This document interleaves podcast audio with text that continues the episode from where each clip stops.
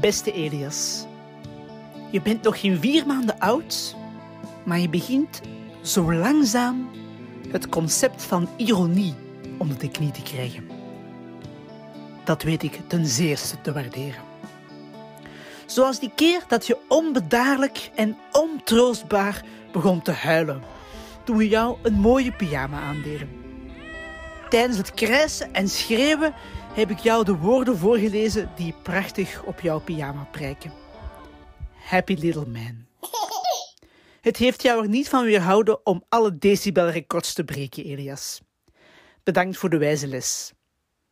Geluk kun je niet afdwingen, al is de pyjama nog zo mooi. Een ander ironiemoment dat ik waardeer heeft te maken met de feestdagen. Ik had tegen jouw moeder gezegd dat we geen kerstboom moesten zetten, want jij ging daar weinig aan hebben. Nu, tussen twee haakjes, Elias, jouw moeder en ik hebben een uiterst subtiele, maar waanzinnig interessante relatiedynamiek die zich enkel laat uitdrukken in de meest complexe wiskundige formules. Want Elias, kijk. Je hebt daar allerlei integralen voor nodig die je moet inzetten in zogenaamde derde graadsvergelijkingen. Je kunt jezelf dat grafisch voorstellen door een puntenwolk te maken in een multidimensioneel universum waarbij de onderlinge asymptotische verhoudingen steeds een naar zichzelf verwijzende vector vormen in de verschillende lagen. Zeer boeiende materie die ik makkelijk kan uitleggen in een kleine 35 uur. Dus we beginnen eraan, Elias. Allereerst ontbinden we in priemgetallen bij vergelijkingen van de eerste. Elias, ik verneem hier zo net dat het aantal luisteraars van deze podcast gezakt is naar min 4. Ik wist niet dat dit fysiek mogelijk was. Ach ja, de wonderen van de wiskunde. Nu goed, ik zal onze relatiedynamiek dan maar even samenvatten. Jouw papa zei dus: We hebben dit jaar geen kerstboom nodig, want Elias gaat daar niets aan hebben. En jouw moeder zei misschien ook iets. Ik was eerlijk gezegd even afgeleid. In elk geval, we waren allebei zeer vertederd toen jij gefascineerd keek naar de lichtjes in onze kerstboom. We hebben dan een schattige foto getrokken voor op Facebook en ik dacht, dit is echt fantastisch. Je liet daarna een luide en langgerekte scheet, spuugde je fopspeen uit en begon hard te huilen. Hoe dan ook kunnen we je makkelijk vergeven, Elias. Het is nu eenmaal moeilijk om eeuwenoude tradities te waarderen als je nog geen vier maanden oud bent. Vrees niet. Later, als je groot en volwassen bent, zul je begrijpen waarom mensen zoveel belang hechten aan de feestdagen. Nu is het echter tijd voor schattige babytjes om te gaan slapen. Slaap wel, Elias.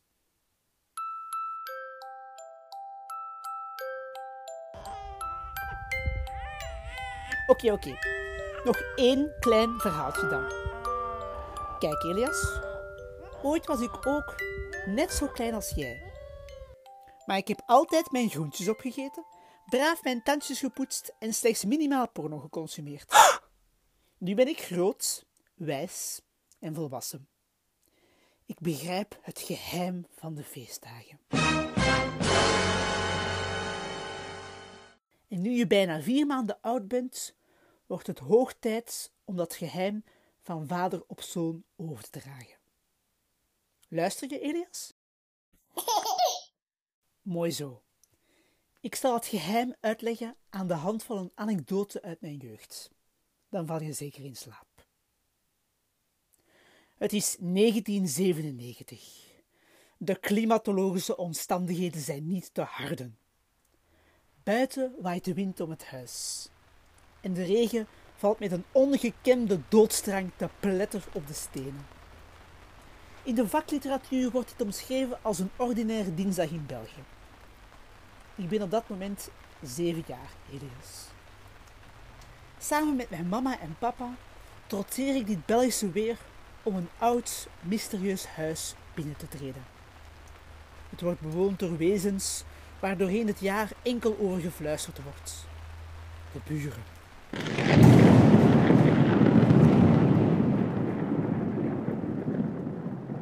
Ons intreden tot de nieuwjaarsreceptie volgt daarbij een eeuwenoud ritueel.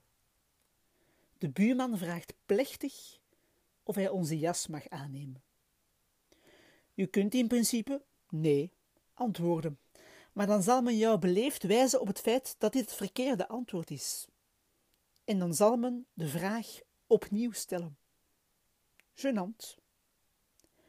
Om jou een vlotte passage te garanderen, Elias, zal ik dus alvast het juiste antwoord onthullen. Het luidt als volgt.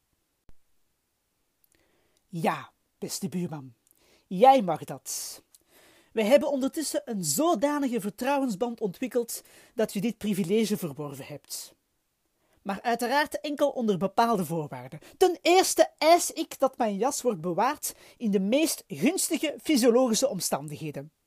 Daarbij dacht ik aan een droge omgeving, veilig in een gesloten kast en het liefst nog aan een authentieke houten kapstok. Begrepen, buurman? Ten tweede eis ik het recht om mijn jas te komen bezoeken, wanneer ik maar wil. Ik aanvaard dat dit het meest logisch en meest gepast is op de momenten dat ik naar het toilet ga. En ik begrijp dat het vreemd overkomt om, als er andere mensen in de gang staan, mijn jas langdurig aan te staren en intensief te strelen. Oh ja. Maar toch, het blijft mijn jas. Begrepen, buurman? En tenslotte, de derde en meest belangrijke voorwaarde. We dienen te bespreken wat er zal gebeuren in de meest extreme omstandigheden. Namelijk, mocht mijn jas, God behoede ons, op de grond vallen.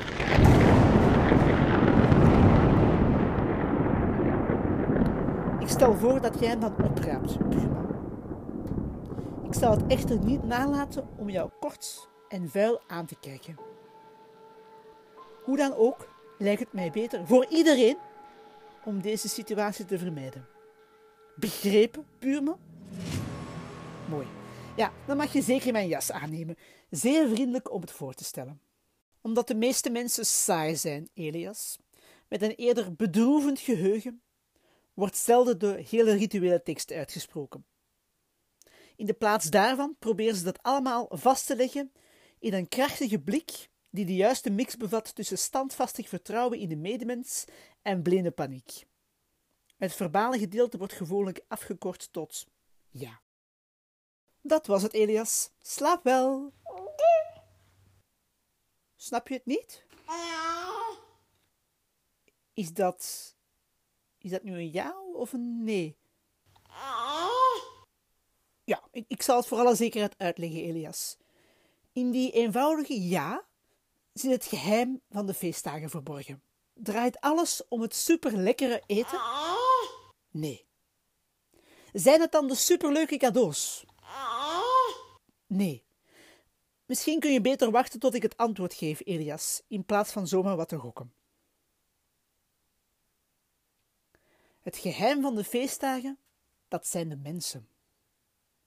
Mensen zijn fascinerende en zeer onvoorspelbare wezens die leven in een wereld die ze amper begrijpen.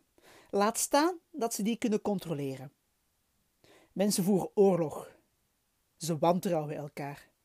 Ze zijn constant op hun hoede in een constant veranderende wereld. Om dat te verhelpen, hebben ze de feestdagen uitgevonden. We hebben namelijk afgesproken, Elias, om dan een procedure te volgen. Meegeven, in, in een potje steken. We zetten een kerstboom, zetten melige kerstliedjes op. Papa zoekt uit hoe de tv ook alweer werkt. En als er mensen op bezoek komen, dan bieden we een veilige plek aan jas. Ik kan er ook niks aan doen. Hè. Ik heb de regels niet verzonnen. Hè. Dat komt van hierboven. Zo komt het dat, ergens halverwege de ceremonie, het wonder geschiedde. Terwijl het lekkere eten op tafel stond en iedereen in gesprek was met iedereen, waren we niet langer houterige buurmannen en buurvrouwen, maar gewoon mensen die genoten van hun avond. We hadden geen zorgen, geen angsten, geen pijn. Voor een paar ogenblikken was het ganse universum controleerbaar en beheersbaar tot één gezellige woonkamer, waar gewoon gelachen en gegeten werd. Snap je, Elias? Ik neem aan van wel. Je bent tenslotte bijna vier maanden oud. Mama en papa zien jou graag, Elias. Slaap wel.